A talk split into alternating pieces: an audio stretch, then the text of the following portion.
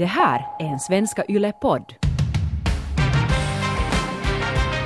Men ni kan ändå tala om pengar eller det blir inte liksom bråkat. Jag tycker ju inte att man behöver köpa liksom spelkonsoler. Och han tycker kanske inte att man behöver köpa jättemycket så här hudserum.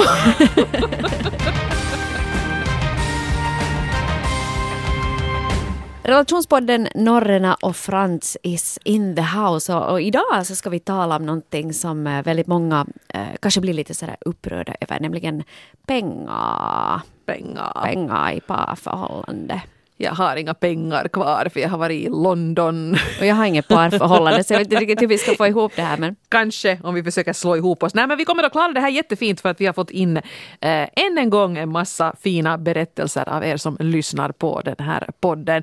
Men jag måste bara säga att hoho vad man blir panka av att resa. Ja, det jag kan tänka mig det och London är ju inte direkt en sån här gratis stad. Nej, och så det är ganska mycket trevliga grejer som man tycker att man ska unna sig. Ja. Så man hem och har unnat sig något alldeles rysligt. Och, och, naja. men, men det var hemskt trevligt. Vi var riktigt på sån här, eh, det är nu när vi spelar in det här så har jag 39 dagar kvar till beräknad födsel så vi passade på här med, med maken att åka på en sån här tumisresa medan vi ännu hade, hade möjligheten. Men, men det här det här med pengar och parförhållande så har ju nog liksom varit en, en, en sak som har funnits, varit lite top of mind här under en sån resa, så blir det ju. Jag tänkte det, för det brukar ofta sägas att du lär känna någon väldigt bra då du är ute och reser eftersom man umgås så pass intensivt.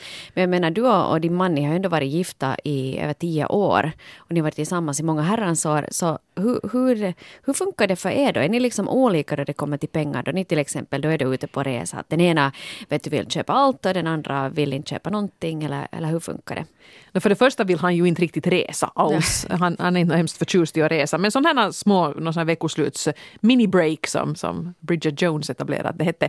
Eh, så sådana går han nog helt, helt gärna med på. Men, men han sätter nog hellre pengar på annat än resor. Men nu gjorde vi då så här och eh, ja, försökte nu dela någorlunda lika. Och så får man nu shoppa vad man vill shoppa. Men ja, men, men ni ändå liksom delar på det. Att jag tänker att ni ändå varit så länge tillsammans att ni skulle ha då en gemensam reskassa. Så betalar ni därifrån. Eller är det så att jag betalar nu det här och så betalar du nästa?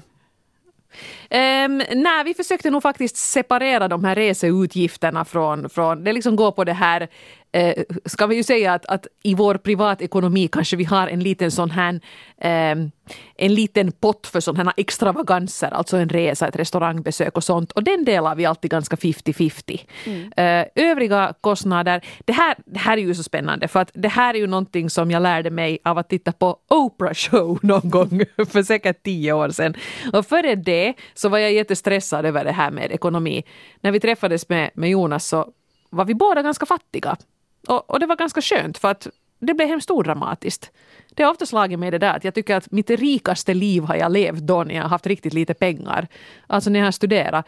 Eh, då reste jag mycket, jag shoppade mycket, jag var mycket ute och festa. Men sen var det ju sådär att när man reste så bodde man ju på de sunkigaste hotellen. Mm. Och man åt nudlar hemma och så här. Man hade ju inte så höga krav på tillvaron. Så det var hemskt odramatiskt på den tiden Sen när man börjar ha sådana vuxenutgifter som det är försäkringar och det är bilar och det är bostadslån och sånt här. Så då måste man ju kanske tänka om. Och då tyckte jag till en början att det var ganska jobbigt att vi skulle komma fram till det här att hur ska vi då i vår relation dela upp det här med pengar. Tills jag såg på Oprah. Och hon hade någon sån ekonomisk rådgivare som förklarade det här att ni måste räkna ut helt enkelt procentuellt era liksom löner efter skatt, hur mycket ni blir kvar med. Och så betalar ni av alla gemensamma utgifter enligt det. Att om den ena egentligen har 60 procent av potten och den andra 40 procent av potten så då betalar man då precis enligt det att du betalar 60 procent av boende och du 40 procent av boende. Mm. Och sen har jag ju turen då att, att uh, vara gift med en som, som gärna sitter och gör bokföring och, och tabeller och sånt så att vi har ganska bra koll. Och det känns ju nog bra att ha ett system. Mm. Nu borde vi säkert ha en diskussion här igen, ha en liten palaver eftersom jag blir föräldraledig och hur vi ska göra med, med utgifter och inkomster under den perioden. Men mm. i alla mm. fall, vi har ett system. Men det är ju bra. Jag tror att ganska, eh, eller man bör ha ett system också. Speciellt alltså om du är en längre relation då du verkligen delar vardagen och du har just de här gemensamma utgifterna. Att sen är det kanske annat att du inte ännu är så etablerad så då kanske man bara delar lite ditåt och sådär. Men... Ja, och jag måste också säga att jag hatar ju att prata pengar. Eh, det är liksom faktiskt, jag har vi kan diskutera nästan allt men jag blir alltid, jag får liksom nästan sådär klåda av att diskutera pengar för jag blir alltid lite så här nervös att har jag nu missat någon sån här jätteutgift och oho, borde man mitt i allt haft tusen euro på konto för en sån här grej som jag nu har glömt bort. Mm. Så jag är alltid liksom lite paranoid med pengar och det är ju mitt issue. Det får jag ju försöka ta tag i själv. Men det gör nog också det här till att, att ha möjligast bra kontroll, det lugnar ner mig. Men då måste man också ha så här lite förhandlingar hemma ibland och, och det borde man kanske då sätta i system. Ja, men ni, men ni kan ändå tala om om pengar eller det blir inte liksom bråk att hej här nu har jag varit ute och spontant shoppat bort en hundring så får du uh, smisk du kommer hem. Eller inte kanske du vill ha det, vad vet jag men du får någon typ av bestraffning som du inte gillar. Så. Eh, no, sen har vi ju nog vad vi tycker att det är värt att sätta pengar på så är vi ju ganska sådär avvikande åsikt. Att jag tycker ju inte att man behöver köpa liksom spelkonsoler och han tycker kanske inte att man behöver köpa jättemycket så här hudserum. och sånt här. Så sådana utgifter så, vi har liksom, vi har en, en vi, har, vi har bestämt vad vi betalar för pott för boende och då ingår då liksom lån, eh, vad vi nu har för sådana här, vet du, no, vet du, Netflix, Spotify, sådana här grejer. Vi, vi liksom räknar in det i, i boende, sån här, vad vi råkar ha just då. Um, och så matkostnaderna har vi liksom ett separat kreditkort som vi också betalar då procentuellt enligt våra inkomster liksom av. Man får räkningen liksom varje månad och då, då delar vi upp det. Och där får man också då sätta sånt som kanske är till huset eller kanske är födelsedagspresenter till barnens kompisar och sånt som liksom inte någon deras specifika. Så det är liksom gemensamma sådana plotterutgifter. Men sen får jag nog kanske inte gå och köpa serum med Nej. det kortet.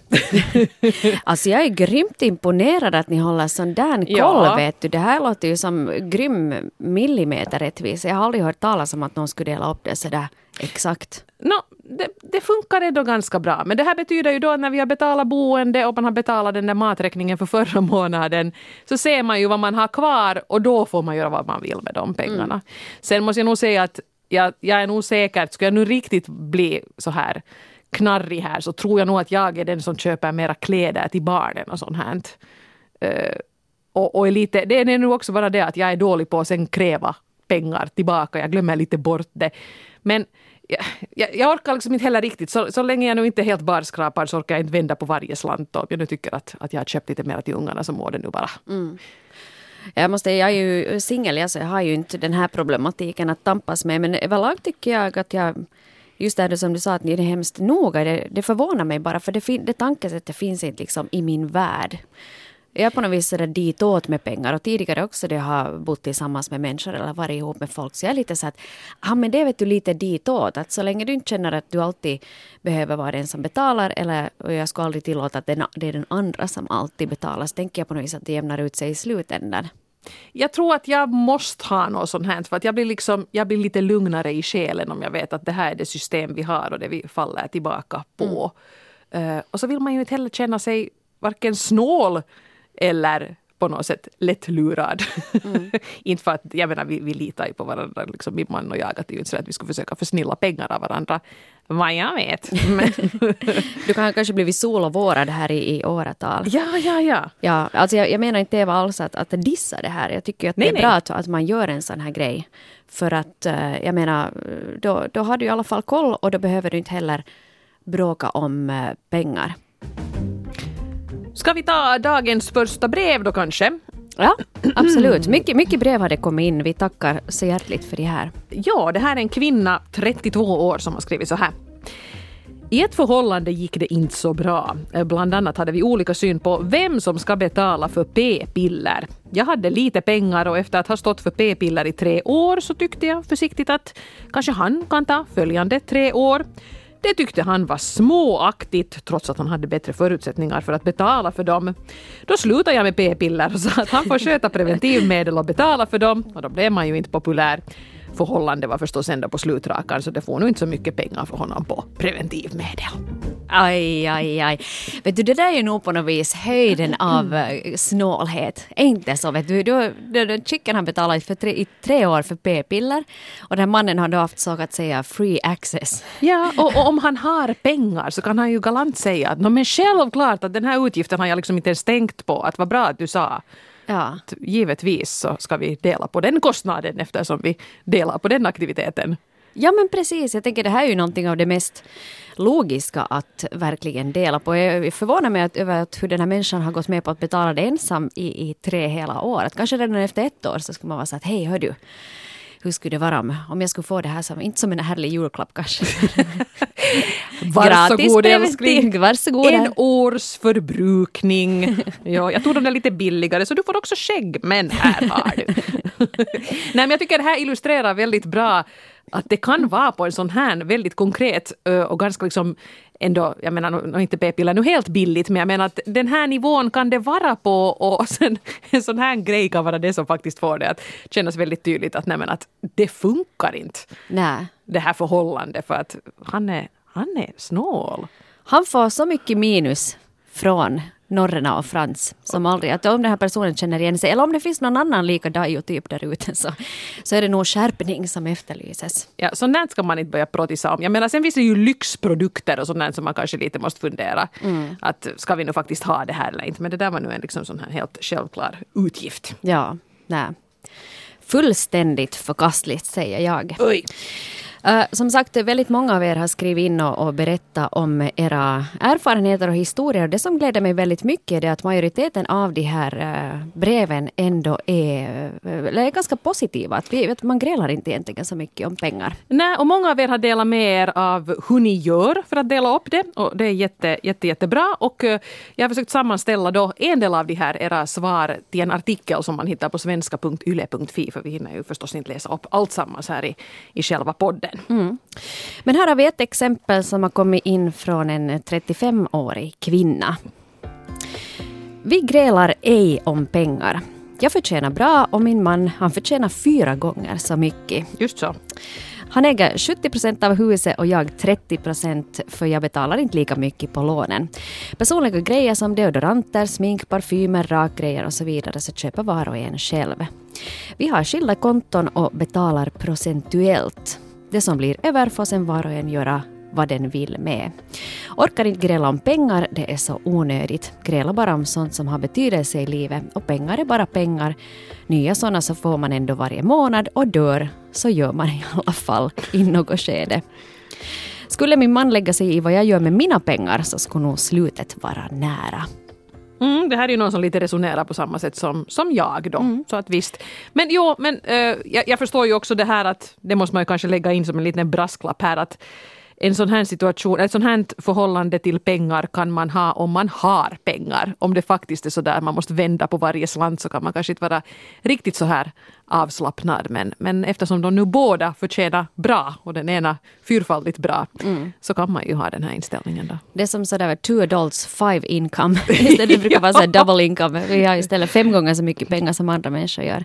Men man måste få ha några pengar som man styr över själv. Jag menar, jag orkar inte varje gång jag har köpt någon riktigt onödig hudvårdsgrej vara lite sådär ursäkta, ursäkta nu lite frihet måste man ju ha också. Kan du inte bara gömma dem i skåpen? Jag har hört att många människor gör det här, sådana som tycker om att shoppa och, så, och vars partner inte gillar det här, att de bara gömmer alltså, allting Jag tror inte att Jonas ser mina syror och serum fast de ska stå rakt framför näsan på... Han ser bara, han ser bara ditt, din ja. välsmådda nuna varje ja, Den får han ju njuta av förstås. det får ja. han. Jag gillar det här med att man betalar procentuellt och enligt egen förmåga. För det är ju faktiskt så att, att om du, speciellt kvinnor är ofta fast i ganska lågavlönade branscher. Mm. Medan män ganska lätt sitter på högre löner så tycker jag att det är alldeles naturligt att man liksom delar upp det på det viset. Jag har en, en väninna som just eh, inte tjänar så jätte, jättebra och hennes man nu tjänar typ dubbelt mera. Men han envisas med att de betalar 50 procent var. Nej. Oberoende, vilket gör att hon egentligen är fast i den här eviga kvinnofällan. Liksom, att hon sätter alla sina pengar bara för att få det ihop det typ till, till hyran och mat och sen sitter och har inga pengar över. Medan han då sen kan använda sina resterande pengar på att åka på vet du, semester med killarna och, och vet du, golfa och sånt här. Nej men det är nog bara asigt. Jag menar det är ju bara ett faktum nu det här, det kommer ju nu till och med riktigt i veckan färsk statistik om hur stora löneskillnaderna är mellan män och kvinnor i Finland och de är ganska stora och det är männen som förtjänar väldigt mycket mera. Då är det där nog absolut det där ska man nog kanske inte riktigt då som den fattigare kvinnan där i, i förhållande finna sig i Nej. på riktigt. Nej. Nej, verkligen inte. Och han var just så där liksom att han förväntar sig att vi ska bo så här pass dyrt, för han har råd att bo så pass dyrt, medan hon inte har det. Mm. Så det där kommer, det har ju också skapat mycket problem i den, i den relationen. Jag kan tänka mig. Eh, ett brev från en, en man skulle vi kunna ta här, 43 är han. Eh, Min fru har i flera år stannat hemma med barnen, vilket jag är tacksam för. Samtidigt så är det irriterande då hon inte har någon respekt för mina pengar. Visst, jag förtjänar helt bra, men det känns lite orättvist ibland att jag använder mina dagar för att få ihop pengar till familjen, medan hon spenderar sina dagar med att spendera pengar. Jag vill såklart att hon ska ha det bra, men hon verkar inte förstå hur mycket jobb det här kräver av mig. Mm. Ja, jo, nå. Ja, vad, vad är det man 43, vad, vad, vad vill du riktigt att hon ska göra? Ska hon liksom be om lov? Ska hon liksom... Eh, jag, jag måste säga att jag förstår nog den här hemmafrun ändå på något sätt. För att alla vet vi som någon gång har varit hemma med barn att det kan ju vara ganska tråkigt och ibland kanske man vet du, bara vill spendera sin tid med, med någonting som man tycker att är kul och då kanske man går till det lokala shoppingcentret och traskar omkring och så kanske man lite sådär tristess-shoppar. Eller man kanske köper grejer till barnen eller köper kläder och sånt här. Att man kanske Ja. använder det här som ett tidsfördriv och man kanske lite tröstar sig själv med, med den där shoppingen. Och sen samtidigt så jag menar om nu den här kvinnan ändå är hemma och sköter barnen så något kul måste hon väl också få ha. Att fast nu sen är att hej jag går och köper mig en ny topp som jag egentligen inte behöver men det gör mig lite glad så tänker jag att den här mannen som nu ändå bevisligen förtjänar helt bra att han ska kunna liksom bjussa på det här. Men kanske också där sätta sig ner och ha den här diskussionen. Att vad är liksom en, en rim, ett rimligt belopp Ja. eh, som man kan sätta på sådana här jag vet inte vad det är hon shoppar. Om hon köper en liksom, husvagnar och båtar så förstår jag ju att han blir lite bekymrad. Men om det nu liksom är eh, liksom kläder till sig själv och barnen, lite något sådana lyxartiklar kanske där. Så jag menar, kanske bara trevligt också att komma överens om att det här är en sån summa som vi i vår familj sätter på den här formen av utgifter Ja, men det är varje smart. månad. Ja. Så behöver man ju inte liksom vara så tydlig med att det är mina pengar som Nej. du shoppar för. Jag, jag undrar när någon senast har shoppat en husvagn. som du nämnde här tidigare. Det kanske inte är det första som man går och köper då man har lite Nej, men så här i tråkigt. reatider, Ja. man läser i den gula katalogen och blir frestad. Nu, nu. Nåja. Nu är det dags. Hej, jag tycker vi går raskt vidare. Vi har så många, många Jo, jo, jo, jo. berättelser här så, så jag skulle kunna ta här en som har kommit in från en eh, kvinna som är 53 år. Hon inleder så här. Min man är en riktig snåljobb. Trots att vi någorlunda oproblematiskt delat vår ekonomi i många år så har jag alltid stört mig på att han vägrar sätta pengar på så att säga onödiga saker. Som att äta ute, resa, piffa upp inredningen eller bara små grejer som fyller vardagen. Jag tycker att man ska njuta av de pengar som man har skrapat ihop för man kan ändå inte ta med dem i graven medan han vill spara till arvingarna. Jag tycker att de kan förtjäna ihop sina egna pengar. Svepeduken har inga fickor, som det heter. Nej, det här, det, här är ju, det här är ju också jättejobbigt. När det blir en sån här situation. Ja, att... För nu, vi- nu tror jag vi alla säkert är snåljåpar i någon mån. Jag menar, jag, jag kan inte riktigt liksom förstå eh, det här med att sätta hemskt mycket pengar på... Ja, men till exempel tycker min man tycker att, att det är helt värt pengarna att sätta ganska stora belopp på, på fina vinflaskor och sånt här. Medan jag nog helt bra kan nöja mig med de där som är ganska nära golvet på alkoholmonopolet. Kan sitta och tycka att det är helt trevligt att dricka en sån. Och om han då skulle kräva att jag betalar då en del av det så skulle vi ju säkert börja gräla helt i onödan. Men om han nu vill sätta sina pengar på det så by all means gör det då. Men eh, då, i, i det avseendet är jag säkert den där snåljåpen då. Men eh, å andra sidan, nu var det ju en tråkig... Förlåt nu, det var nog en tråkig karl det här. Jag tycker också att det, det är lite sådär småtrist. Och sen just att, att det kanske handlar mer om vilken typ av liv vill vi leva tillsammans. Att om den ena fast tycker att "Nej, men hej, jag vill gärna gå ut fast på fin restaurang en gång i månaden. Och jag tycker det är värt att fast sätta då x antal euro på en sån här upplevelse. Ja. Så, och den andra tycker att no, men, vi sparar hellre de här 100-200 eurona på det här och, och, och äter makaronilåda hela veckoslutet. Det kan jag också förstå men, men eh, Men jag tycker också det som hon nämner här, det är ju det här förgylla vardagen grejerna. Just det här med att man gör det lite mysigare hemma genom att liksom att det ska se trevligt och ombonat ut. Och att gå ut och äta och fara ut på en resa. Det är ju inte liksom bara den där produkten man köper utan det är ju att liksom vårda förhållandet då. Och, och liksom trivsel kostar också pengar. Det behöver inte kosta så hemskt mycket pengar men ändå, någon måste ju göra det där för att det ska bli mysigt. Och då, ja. Det, det är svårt att värdesätta det sen på ett sätt som de ser på på samma, samma vis. Mm. Nej, jag tycker nog att om, om nu den här kvinnan 53 skrev att min man är riktigt snåljobb. Jag, jag skulle aldrig kunna vara ihop med en snåljobb. Alltså på riktigt, sitta och vända på varenda liten euro hit eller dit. Jag håller helt med om det här att de pengar som man ändå äh, förtjänar så jag använder dem gärna till saker som gör mig glad nu. För som sagt, vem vet när man sen kippar i graven sist och slutligen. Och sen också en poäng här att, att han vill spara sina pengar till arvingarna. Då tänker man säkert att till framtida, eh, eller barn och eventuellt framtida barnbarn. Men vad ska, vad ska de med de pengarna göra? Jag, Men alltså det är ju en jätteschysst grej att göra men jag, ska, jag tycker att den borde man också kanske ha då en Gemensam exempel- plan. Ja, eller ett, ett långsiktigt sparande och sånt där. Men inte att hördu, vi köper inte nu något snittblommor den här månaden för det här ska vi då sätta i universitetskassan för lillplutten. ja, så lillplutten kan köpa snittblommor sen om Ja. 25 år. Jag menar, det är helt bra att spara för sina barn. Det borde, borde jag göra mycket mer än vad jag gör. Men, men, det här, men där också. Ha de här, nu börjar jag låta som någon ekonomisk rådgivare, men diskutera de här sakerna. Slå fast att så här gör vi hemma hos oss. Så behöver man inte sen gå omkring och vara sur. För det är också jobbigt och Ja. tärande. Ehm, Ska vi ta den här, eh, jag tänkte, den här kvinnan 35 här tänkte jag att vi skulle kunna ta som har varit sjukskriven, tyckte jag skrev fint. Ja, det här handlar ju också om att ibland så händer livet Mm. och att man inte kanske kan vara då i, i arbetslivet på grund av olika orsaker. Eh, så här skriver den här kvinnan då. Jag har varit sjukskriven i långa perioder och orkar däremellan endast jobba deltid. Är enormt tacksam över att min sambo har en högre inkomst som trots det här täcker våra behov och betalar utan minsta gnäll. Däremot är det påfrestande att känna sig beroende av en annan människa, speciellt när man är van att kunna försörja sig själv. Nu när jag är frisk och arbetar har vi egna konton och de här pengarna gör vi vad vi vill med. Vi har ganska olika intressen och jag vill inte och har inte råd att betala för hans dyra båt och bilintresse. Ja, no, precis. jag, jag förstår mycket bra, speciellt det där sista. Och, men jag kan också relatera faktiskt till det här med eftersom man ju är, jag ju ändå vill se mig som en självständig kvinna så det känns, det, det bjuder alltid lite emot att liksom få pengar av någon annan för jag vill ju kunna själv. Och där får man ju kanske också bara ibland sänka barriären. Det kan gälla partnern, det kan också gälla föräldrar. För att jag menar som du sa, saker, oförutsedda saker händer. Och man kan plötsligt bli arbetslös eller man kan bli sjuk. Och då är det ju fint om man omges med människor som faktiskt vill hjälpa.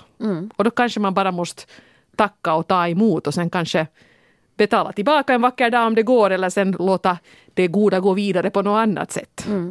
Och sen också här förstås en eloge till den här sambon som gladeligen då står för alla utgifter utan att gnälla. Det är ju, det är ju kärlek om någonting. Vet du, då man alltid säger vet du, i for better, for worse, och vet du, i, i svåra tider och i goda tider så, så ska man hålla ihop. Och det här är ett ypperligt exempel att då ena till exempel är sjukskriven. Det är en tung situation som det är. Att man då inte ännu lägger liksom tyngd på börda där utan man att hej men jag tar nu det här ekonomiska ansvaret Ja. och så tar du och jobbar på dig själv så du blir frisk igen. Så att, Kanske det- ha den där inställningen att men vi fixar det här. ja, tillsammans. här. Ja. Ja. Och, och då ska man inte heller... Jag förstår att hon känner sig liksom lite så här obekväm och skyldig. Det skulle säkert jag också göra. och Det har jag gjort lite grann i sådana här motsvarande situationer. Men, men jag tänker samtidigt att nå, om någon som står mig riktigt nära skulle vara i en sån här knipa. Jag skulle inte komma på någonting bättre att göra med pengarna. Inte ens köpa en husvagn på rea eller ett riktigt dyrt serum. Det är klart att det är ju det man då vill göra med sina pengar. Se till att den där andra har det bra.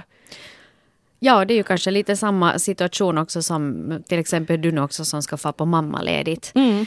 Eller kvinnor som är hemma med, med barnen i, i många år. Eller varför inte män också som är hemma med barnen i, i många år. Men oftast är det kvinnor som, som gör det här. Att, där är det också det att mannen tar det ekonomiska ansvaret. Det, det är ju helt naturligt. Jag menar, man behöver inte längre gå ut och fälla grizzlybjörnar för att få ihop till middagen. Men man behöver ändå gå till jobbet och då tycker jag ändå att det ja, det, att man hjälps åt, att man ser liksom familjen som en helhet. Absolut, ja. Mm. Det, jag upprepar mig nu här. Ha ett system som ni har kommit överens om så behöver man inte liksom sen fundera när sådana saker händer. Mm. Vi skulle kunna ta ännu ett brev här från en uh, lite annan typ av livssituation. Kanske lite senare i livet och då, då livet verkligen har hänt. Hej, jag är frånskild och har tonårsbarn och har för ett år sedan hittat en ny man i mitt liv. Jag levde i flera år med enbart min egen ekonomi och styrde och ställde precis allt vad det kom till pengar. Det har nog gjort mig självständig ekonomiskt fast det också, också många gånger har varit kämpigt och dåligt med pengar. I dagens läge delar vi jämt på kostnaderna med min nya man de veckor och de dagar vi bor och är ihop. Vi är båda måna om att det ska vara rättvist, att den ena inte är skyldig den andra och i mataffären betalar vi turvis. Vi har varsitt hem och betalar var för sig kostnaderna för det och kostnaderna för de egna barnen. I mitt fall är jag mån om att vara ekonomiskt självständig och försörja mig själv och inte vara beroende ekonomiskt av någon annan. Visst bjuder man på och vill unna den andra god mat, en flaska vin, en ny skjorta etc. Och det tycker jag hör till ett parförhållande. Men pengar ska inte bli en så stor sak i ett förhållande. Som tur så har jag nu en sån människa vid min sida som det går lätt att prata med om bland annat pengar berättar den här kvinnan som är 43. Och som också tillade att den här guldklimpen till kar träffar hon på Tinder. Aj, ser du bara. Så ge inte upp! Det finns hopp för oss alla. Ja, ja. Jag tror ju uh, nog liksom kanske just det här att du har äldre barn, tonårsbarn, de börjar vara ganska stora, de tar ganska mycket plats i hemmet. Mm. Jag tycker att det är en utmärkt idé. Både metaforiskt och fysiskt. Ja, precis. Och jag tycker att, att uh, man gör säkert klokt i att kanske behålla de här separata hemmen mm. i ett sånt skede. Och, och jag tror också kanske att du har varit runt kvarteret då några gånger under årens lopp så kanske man också märker att det kanske inte är så smart att slå ihop två familjer och två ekonomier sådär med våld. Att just som hon skriver här också att vi delar eh, på kostnaderna eh, de dagar och veckor som vi är tillsammans. Och i övrigt så håller vi det separat. Det låter smart. Jag menar det här är ju en situation som du potentiellt skulle kunna hamna i. Mm. Du som har uh, två barn uh, och som du då delvis försörjer. Mm. Om du skulle träffa någon som med eller utan barn då kom, skulle komma in i, i ditt liv. Kanske ändå ha separata hem eller hur ni nu skulle göra. Men där skulle man ju också måste ha någon sorts liksom överenskommelse om att hur gör vi? Mm, jag tror nog man måste ha det. Och, och som sagt, jag vet inte jag tror att ju äldre man blir desto högre också tröskeln för att verkligen slå ihop eh, två familjer. I mitt fall så jag, jag ser det som högst osannolikt att jag skulle på något vis bjuda in en potentiell man och hans barn till mitt hem permanent för att bo. Säkert skulle man kunna dela vissa dagar fast att man kan hänga över helgen eller åka på en semester tillsammans. Jag menar det att man ska ha separata liv helt och hållet men, men eh, jag tror nog det kanske bra att man ändå, speciellt i den här åldern, man har sina egna pengar och man sköter sitt och du sköter ditt och så delar vi på det som vi, vi Precis. gör tillsammans. Och sen du som också då har ett, ett, ett ex som du ju i någon mån måste ha lite gemensam ekonomi med för att ni har de här gemensamma barnen som ni mm. måste dela om. Så man liksom, det kan ju till sist bli en helhet med, med fyra vuxna och en massa Usch. barn hit och dit som på något sätt ska försöka dela. Det kan nog bli lite snårigt. Så jag kan nog förstå att det, det där åtminstone känna det där att jag, jag klarar ju det här nog själv nu, mm. det vet jag. Men sen kan vi då med min nya partner göra så här och så här. Så det låter ganska vettigt tycker jag. Ja, och sen också det här att man är liksom ekonomiskt oberoende. Jag tycker nog att man får liksom en lite annan sån här råge i ryggen då du inte är ekonomiskt beroende av någon annan. Nu är det förstås beroende lite på livssituation att vissa behöver ju verkligen få pengar av den andra partnern till exempel då om man har gått skilda vägar. Om vi säger då att jag skulle tjäna äh, inte så jättemycket och den andra skulle tjäna jättemycket så då tycker jag att det är helt naturligt att man ska hjälpa till men men, men ja, det, det är lite sådär knepigt. Och där blir det ju redan sen lite mer inflammerat automatiskt för att ofta så har ju säkert en separation inneburit att relationen nu kanske inte riktigt är sådär på, på topp. Nej. Men ändå måste man ju kanske ha de här ekonomidiskussionerna om man har gemensamma barn. Vad jag har förstått i alla fall, tycker jag nu lite vad jag har lyssnat i min egen bekantskapskrets och hört på vad andra har berättat, så, så är det ju, i, medan relationen är bra, så har man inte egentligen de här problemen. Det är kanske lite som vi har hört här också, att folk vi delar och vi har en plan och vi, det är sån här ljuvlig ekonomisk harmoni som råder. Men att sen när man går skilda vägar, att om senast då så kan det vara just det här att man, att man börjar kina jag har just sån här bekant par till mig, de skilde sig och det gick så pass långt att de liksom grälade i rätten om vilka gafflar, de, hur de skulle dela vet du, gafflar och mm, möbler. Mm. Vet du, så någon, vem bryr sig om någon sån här skitig soffa vet du, att om den nu kostar en 500, att vem som får den eller någonting. Att där liksom tänker man att bara för rättegångskostnaderna så skulle jag köpt så mycket gafflar så hela, det skulle räcka till hela grannskapet. vet du sådär att, att där kanske det också börjar skita sig rejält. Men det är kanske är en diskussion vi får återkomma till en, en annan gång. Ja, men det är lätt också att liksom klamra sig fast vid den här penningfrågan då när liksom känslorna ligger på ytan och, och man är ledsen och, och man är sårad och, och, man vet inte riktigt vad som ska hända. Och, och man kanske kan blir... skada den andra ekonomiskt. Jo, vet bara, så det... Soffan ska jag åtminstone ha! Jag tar det där vad det svider mest, jag vill ha mera pengar. Ja, nej, men det är hemskt, det är ju ett fult spel i, i, i det skedet men jag kan också förstå att, att det är helt naturligt att det blir på det sättet i, i en sån situation. Ja, oj, ja. oj, oj, oj, oj. Hörni, stort tack till alla er som har skrivit in. Vi har ju inte nu med, med alla historier som har kommit in, men man kan också gå in på Svenska Yles webbplats och uh, läsa mera historier där. Svenska.yle.fi mm. är adressen dit. Och uh, är det så att uh, du vill höra av dig till oss med framtida frågor som gäller pengar så kan du fortsättningsvis kontakta oss på relationspodden yle.fi. Och vi tänker ju faktiskt fortsätta med det här jätteäckliga ämnet också nästa vecka med lite byta inriktning för minst lika besvärligt som i ett parförhållande så kan det ju bli i ett vänskapsförhållande när ekonomin sätter käppar i hjulet. Mm. Det här eh, märkte jag lite av faktiskt när jag satt och läste era brev när vi frågade kan man göra slut med en kompis. Det var ganska många av er som nämnde just liksom pengar som en sån här grej som hade skapat friktion mm. i kompisförhållande. Man har lånat pengar, man får inte tillbaka. Mm. Ja, eller vet du, du har en sån här kompisgäng att alltid när ni går ut fast på krogen så vet du, turas man om att bjuda. Och i de flesta kompisgäng så finns det den här ena typen som alltid måste gå på vässa då det kommer till dens tur att bjuda. Ja. Men det finns den här ena som tror att de kommer på något vis undan att köpa de där några eh, drinkarna då till, till kompisarna. Men tro mig, vi vet vem ni är. Jag minns bara att för mig blev det på något sätt väldigt tydligt eh, att kompisarna hade lite olika inställning till pengar. Eh, det är nu kanske tio år sedan som nästan alla mina vänner gifte sig. det var sån här bröllopsboom då. Då skulle det ordnas möhippor. Och då var det så tydligt det här med hur olika, alla ville ju skämma bort bruden. Det var liksom, alla var överens om det, att hon skulle ha en härlig dag. Eh, men sen var det en som tyckte att jo, jo, att det ska vara manikyr och pedikyr och fallskärmshopp och restaurang och hotellövernattning. Att det blir nu 450 per man. Eller jag menar typ, mm. drar jag från hatten här.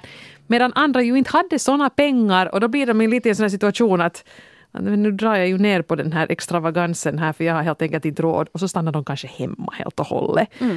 Uh, och hade då kanske tänkt att kanske vi skulle laga lite mat hemma hos någon och ha någon rolig frågesport eller någonting som är lite så här personlig men inte kostar någonting. Och då blev det på något sätt så tydligt att det började liksom spreta iväg. Och jag tror att oavsett var man är i det där, att är man den här som har gott om pengar och kan köpa sig en märkesväska uh, och kanske då verkar lite skrytsam eller man faktiskt är den där som måste skippa en massa roliga grejer för att man inte har råd. Så är det en obekväm situation. Och vi vill att, jag hoppas att alla ni ska vilja höra av er och, och berätta om hur, hur ni har gjort med pengar i vänskapsförhållandet.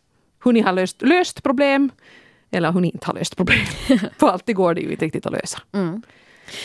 Det här hittar ni en artikel om också på svenska.yle.fi där ni kan höra av er helt anonymt. Jajamensan, och relationspodden är yle.fi. Dit kan man också skriva. Relationspodden finns ju förstås också här för att svara på andra frågor. Egentligen vad helst du går omkring och grunnar på då det kommer till relationer. Och faktiskt här eh, helt inom kort så kommer vi att ha en, ett så här frågeavsnitt som inte egentligen kommer att ha någon typ av tema mm. utan det baserar sig helt på de frågor som du går omkring och, och, och grunnar på. Eh, då du inte har något bättre för dig. Och eh, vi är väldigt nyfikna på vad de här frågorna är.